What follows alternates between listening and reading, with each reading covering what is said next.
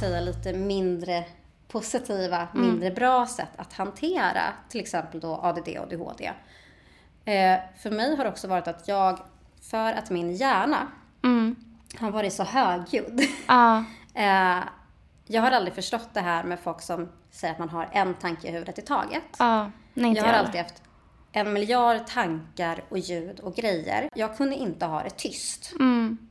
i den fysiska miljön. Nej. Det är något som jag klarar av Mm. idag. Men eh, jag hade en period där jag, det fick inte vara tyst hemma.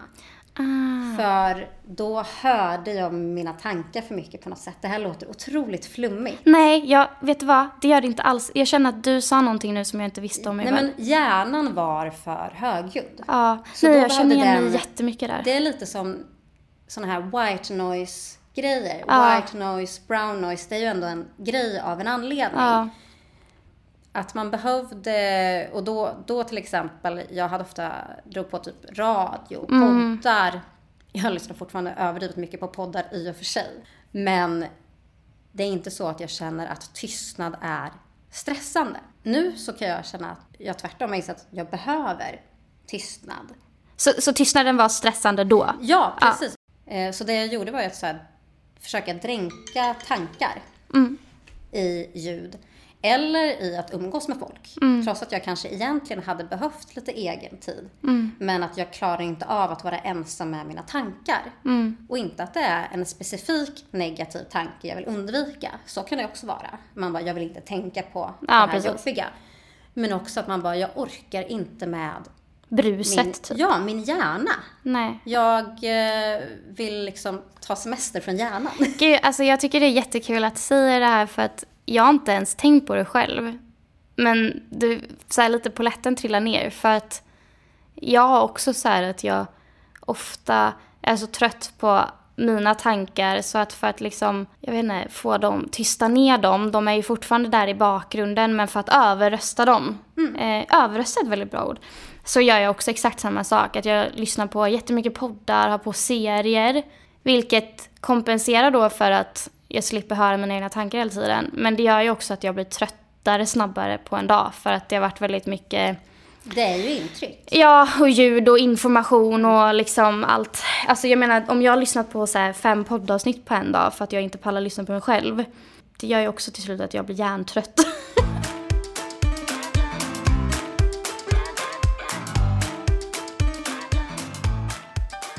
Ehm, Dopaminkickar. Eh, för det är ju verkligen någonting vi har en förmåga att söka oss till och eh, är inte alltid jättebra. När du äter sötsaker som du pratar om, du har svårt att hålla dig från godis och så. Är det någon typ av dopaminrelaterad grej eller vad, förstår du var det kommer ifrån? Ja, men lite...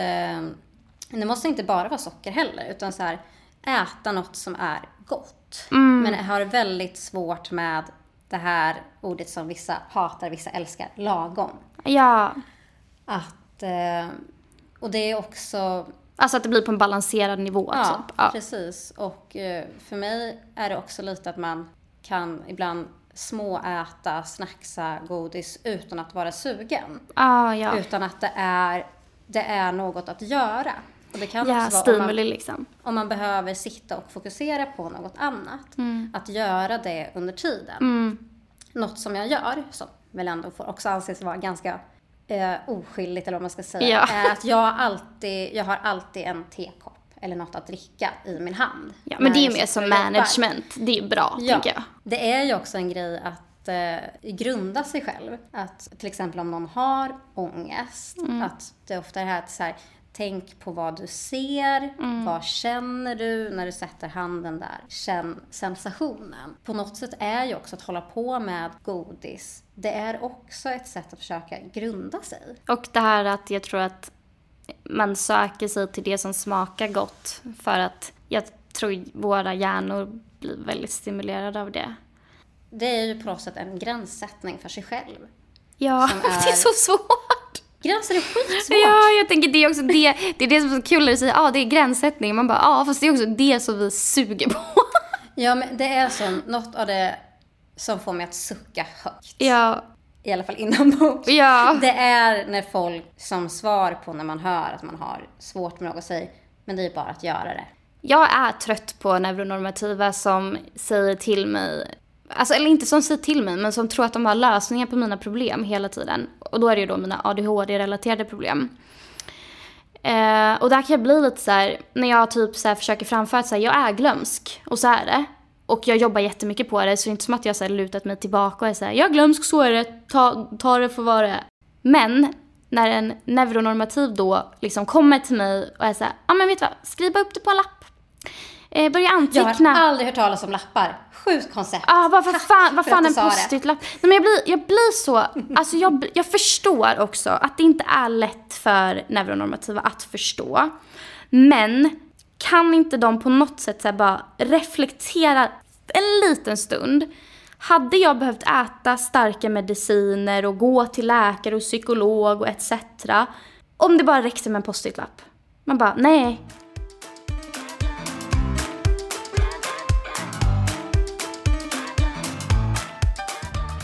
Det som kan bli provocerande är ju när man bara, men tror du att jag är dum? Tror du att jag inte har tänkt på det här? Ja, och jag skulle nog ändå säga att när det kommer till typ sådana där så här, praktexempel som säger jag glömmer saker, det här, där har man ju provat allt. Eh, Man har ju fått de här tipsen. ja, Sen sen, man man var var pytteliten. man bara, ja alltså det spelade liksom ingen roll om min mamma hade typ en lapp på min ryggsäck där det stod så här, ta ut badkläderna, de låg kvar där ändå. Åh, ganska jag- länge. Alltså liksom, hallå. Förstår. Det, jag känner att det var lite skönt att bara, Jag fick typ lite energi. jag känner också att jag tömde, tömde, alltså jag fick ut luft typ. Det var lite Mm. såhär, det var gött. Ja, men nu är vi redo för att fortsätta. Ja, eh, men så här destruktiva mönster då. För sex är ju också en grej som kan, Det är en grej. som kan vara på både väldigt gott eh, och på väldigt ont. Eh, ett sätt att så här, få kickar eller stimuli liksom. Eh, och där har jag också märkt att eh, det, är, det här är liksom på en, på en rimlig gräns. Men jag tror typ att jag är en person som skulle kunna, eh, inte missbruka det, men tappa fattningen lite. Ha ett beroende, tänker du eller? Ja, eh, och jag skulle inte säga att det är så präglat av själva sexet, men jag är... Jag söker mig väldigt mycket till den typen av kickar eh, och det gör jag liksom idag aktivt. Eh, jag tror också det är väldigt bekräftelsestyrt. Ja.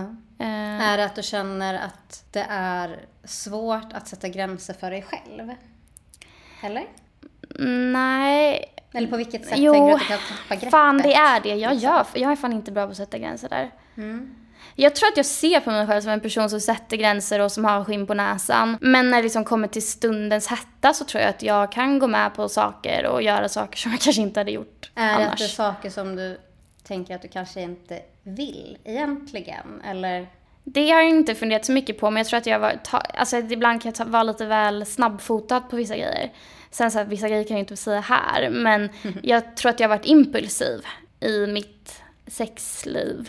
Jag tycker det är lite jobbigt att prata om det i podden, för att jag vill ändå vara liksom, ha mitt privatliv så. Samtidigt vet jag att de som lyssnar är jag trygg med liksom.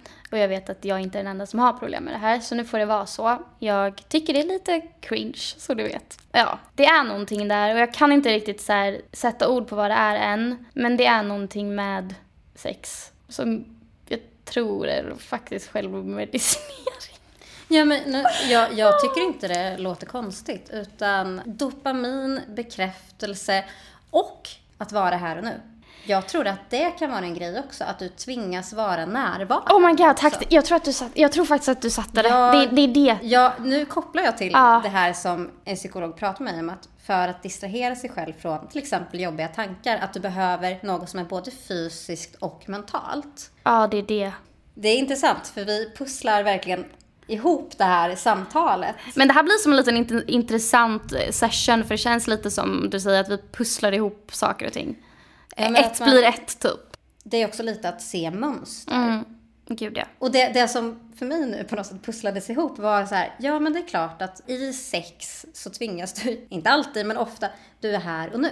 Ja. Annars så är det väldigt svårt att njuta. jag tror man, jag stänger av på ett annat sätt, som du säger.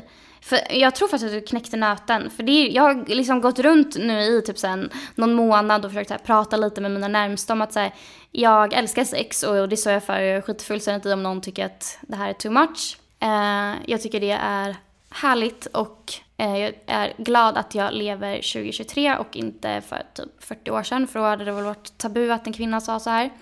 Men att jag varit lite så suspekt för att jag märker att ibland är det någonting där som skaver och inte känns helt hundra och jag vet inte vad det är. Men det är nog det att jag ibland faktiskt söker mig till det för att stänga av och vara liksom här och nu. Där och då. Jag menar också på något sätt, ja, men jag vet inte vad vi ska kalla det riktigt, men du tvingas till ett sinnestillstånd. Det finns något här, intressant ämne.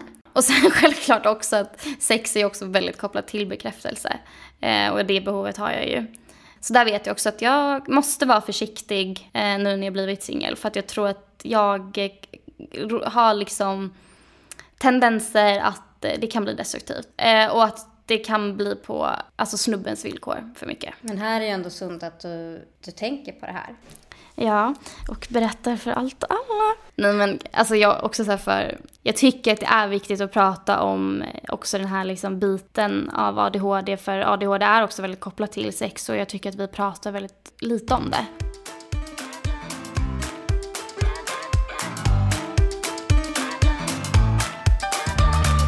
Eh, jag har satt mig ner liksom aktivt inför eh, att vi skulle ses idag.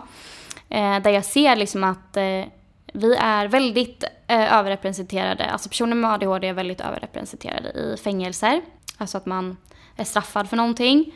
Men också att eh, en stor eh, procentsats av de som tar livet av sig varje år eh, är också personer med ADHD. Eh, och det här tycker jag också är väldigt skrämmande någonstans för att det säger ju väldigt mycket om hur snett det kan gå och hur människor mår eh, om de inte liksom får rätt hjälp, eh, rätt verktyg. Och därför kanske då någon blir kriminell, kanske för att den har sökt sig till dopaminkickar. Eh, det finns liksom en mängd olika förklaringar.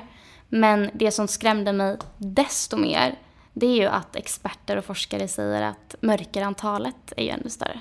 Mm. Ja, för det är ju först liksom kanske sen typ två år tillbaka, alltså diagnoserna ökar Eh, alltså inte öka men... Eh, men fler gör en utredning. Ja, jag läste en text om att man är väldigt övertygad om att många kvinnor, eh, äldre kvinnor, eh, har kanske valt att avsluta sitt liv Eh, alltså en liten eh, längre tid tillbaka än just nu. Eh, för att eh, det har varit liksom ett problem då för kvinnor och flickor att få diagnos för att man har ju som sagt, där har vi också pratat om det här, med en annan typ av bild av vad ADHD är. Och det gjorde mig väldigt ledsen att det är väldigt många kvinnor som har lidit. På samma sätt är det väldigt många män som har gjort det.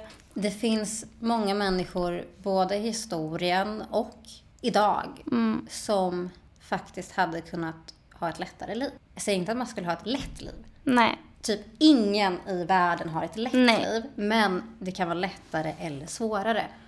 Och man behöver inte ha det svårare än vad man måste. Precis. Och det är det som jag tycker, alltså det gör ont i mig när jag läser det här. Liksom att Tänk kanske att det hade varit så många fler liv som hade så gått att rädda, personer som inte hade blivit kriminella och så vidare om de bara kanske uträtts liksom. Men det menar jag också är ju en typ av så destruktivt mönster, till exempel det här med att vara suicidal. Eh, för det vet jag också att eh, jag eh, gjorde, eh, eller gjorde, alltså det var en sak jag hade för mig eh, i samband med min utmattningssyndrom. De som tycker sånt här är jobbigt att lyssna på när det kommer till självmord och så kan ju spola fram. Eh, men det jag vet att jag gjorde eh, när jag mådde som sämst, det var att jag liksom lovade mig själv att om inte du mår bättre om ett år, då tar vi livet av oss typ. Okay. Eh, så det var liksom min... Eh, det var liksom som en trygghet för mig att se det som en nödlösning liksom att om det inte blir bra så gör vi så här. Mm. Men jag tyckte ju inte att jag hade självmordstankar. Alltså när jag fick, så här, träffade så här, psykologer och så där och då. Och jag fick frågan om hur det var med det. Det är ju först nu när jag mår bra igen som jag liksom förstår att det där jag höll på med var inte sunt. Nej men det, det är som jag har haft, och nu är det ju tack och lov också tillbaka i tiden, inte mm. i närtid. Men också det att vara så trött. Ja. Att, eh, det, jag kommer ihåg det så tydligt där, jag vet inte om jag var typ 16, att jag var så trött och frustrerad på mig själv. Mm. Att jag gick och liksom, jag hoppas jag blir påkörd. Inte att jag försökte bli det, Nej. men att så här, om jag bara blev påkörd så skulle jag slippa hantera Mm. mig själv. Gud, jag vet. Man blir liksom typ likgiltig inför döden liksom. Det är med lite distans till som man inser att det där var verkligen ett tecken Mm. på att man behövde ta hand om sig själv. Ja, och söka hjälp liksom. Mm. Ehm, ja, nej men det. Något stämmer inte. Ja, och att det, alltså att det gått så pass långt. För jag tror att det här är också ett så här praktexempel att man har de här ehm, tankarna som är väldigt så att man är likgiltig inför döden. Men om någon skulle då fråga dig, har du självmordstankar eller hur ser du på att dö? Så säger man så här, nej men det är bra. Jag tror att man har väldigt svårt att här, se det själv. Att det jag är i nu är otroligt eh, sjukt liksom. För det vet jag liksom att det har, det har varit väldigt, väldigt mycket liksom i livet som har varit jobbigt. Eh, Jag har mått dåligt majoriteten av mitt liv. Jag ser liksom idag när jag ser tillbaka på eh, mitt liv att det har varit liksom olika perioder som bestått av liksom olika destruktiva beteenden och handlingar från min sida för att ja, försöka råda bot på mig själv. Men det som är så fint, det är att jag idag faktiskt har fått hjälp. Och att jag faktiskt vet att det kan bli så sjukt mycket bättre. Mm. Eh, för där och då när någon sa till mig att det blir bättre, då var man såhär, fast Det kan också vara provocerande. Ja, man bara säger det, det blir det liksom inte. Men jag ser idag att det går att jobba på sig själv.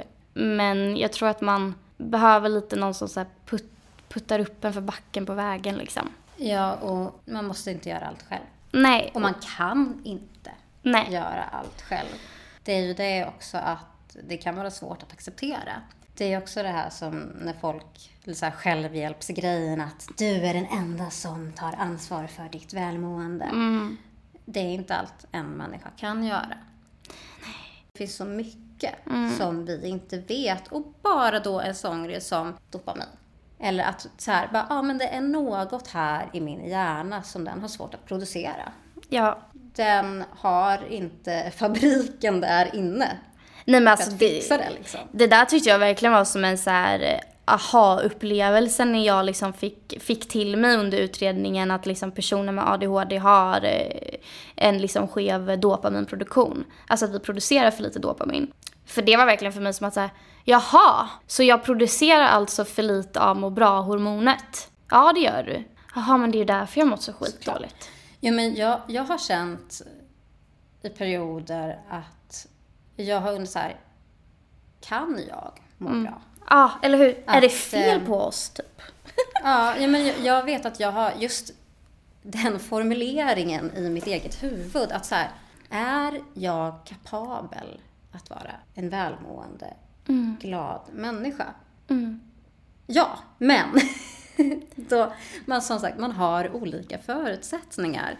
Men just den tanken att det, det har känts som att jag har haft närmare till att vara ledsen och frustrerad än vad man borde. Vilket låter konstigt. Borde är ju också ett konstigt ord. Men du har liksom varit närmre att vara ledsen och frustrerad än glad liksom. Och Ja, nöjd, och det- tillfreds, lugn. Och framförallt när jag var yngre. Mm. Jag är ju en av de som verkligen inte minns tillbaka på tonåren med glädje. En del kan ju bara, gud så jäkla kul alltså. Bara Ska vi skaka hand på den? Positiva. Det är klart att det fanns positiva grejer. Absolut. Men jag var inte en glad tonåring. Nej. Eh, kanske på vissa sätt utåt. Och det, det var också en sån skev grej att om folk beskrev mig som en glad person. Mm. Man bara, känner vi varandra? Och så inser man att ja, men det är också så här olika maskerande beteenden.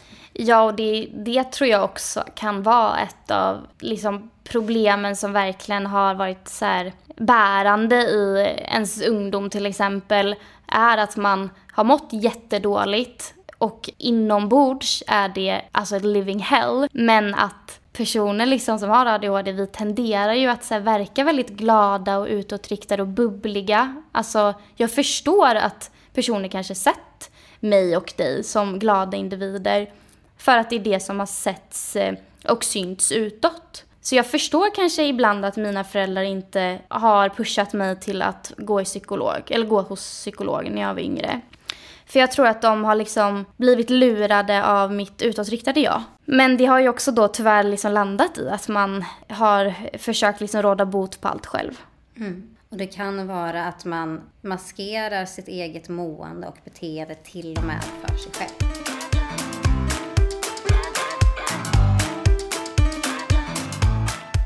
Idag när jag liksom mår så bra som jag aldrig gjort förut, eh, till exempel ibland när jag kollar igenom mitt fotoalbum eh, från så här, eh, andra år i livet, där jag kanske känt att så här, här, här mådde jag bra, trodde jag.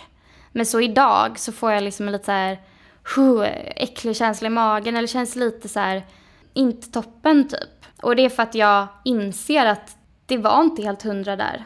Att där och då kanske jag bara trodde att jag hade tre lägen och att ett läge var när man trodde att man mådde bra. Men nu när jag vet att det finns ännu fler lägen så har jag liksom förstått att när jag till exempel var i New York och bodde där så jag har ju ofta varit så att jag beskrivit det som så här, the happiest time of my life.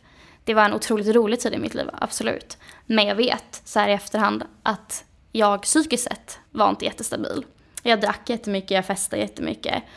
Och det tycker jag är ganska intressant, liksom när man då börjar jobba på sig själv och börjar må bättre, att man börjar liksom se saker som man inte såg då. Jag har fått liksom på papper eh, diagnosen depression. Mm. Om vi mm. går tillbaka, ja, jag har noll uppfattning om tid nu, men ett antal år.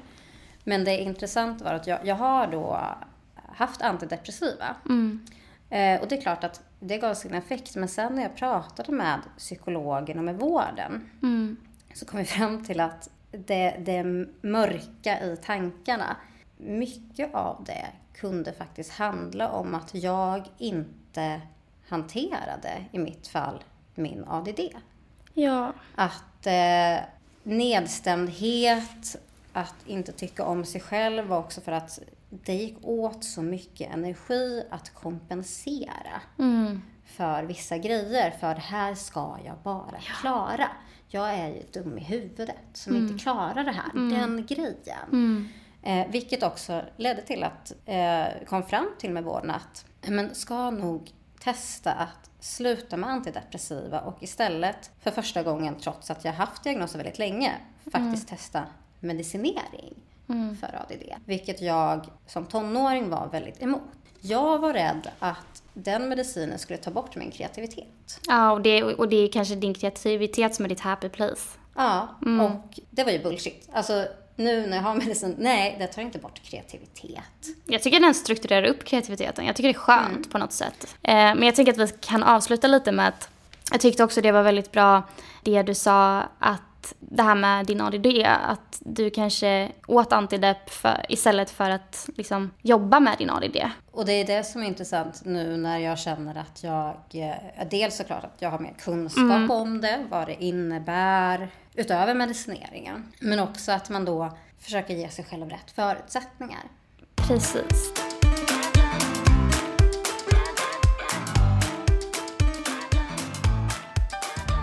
Nu har vi pratat om väldigt jobbiga grejer, men jag tror att ni känner att det är skönt att lyssna på. Eh, så ja, kom ihåg att försöka vara snälla mot er själva. Eh, och om ni märker att ni har för er någonting av det vi nämnt så kanske ni kan redan här och nu börja jobba för att få bort de sakerna och göra någonting bra för er själva istället. Var det bra sagt? Ja, jag sitter och blir rörd. Oh, fint. Tack Elin. Eh, så ses vi nästa vecka. Puss och kram! Hej då!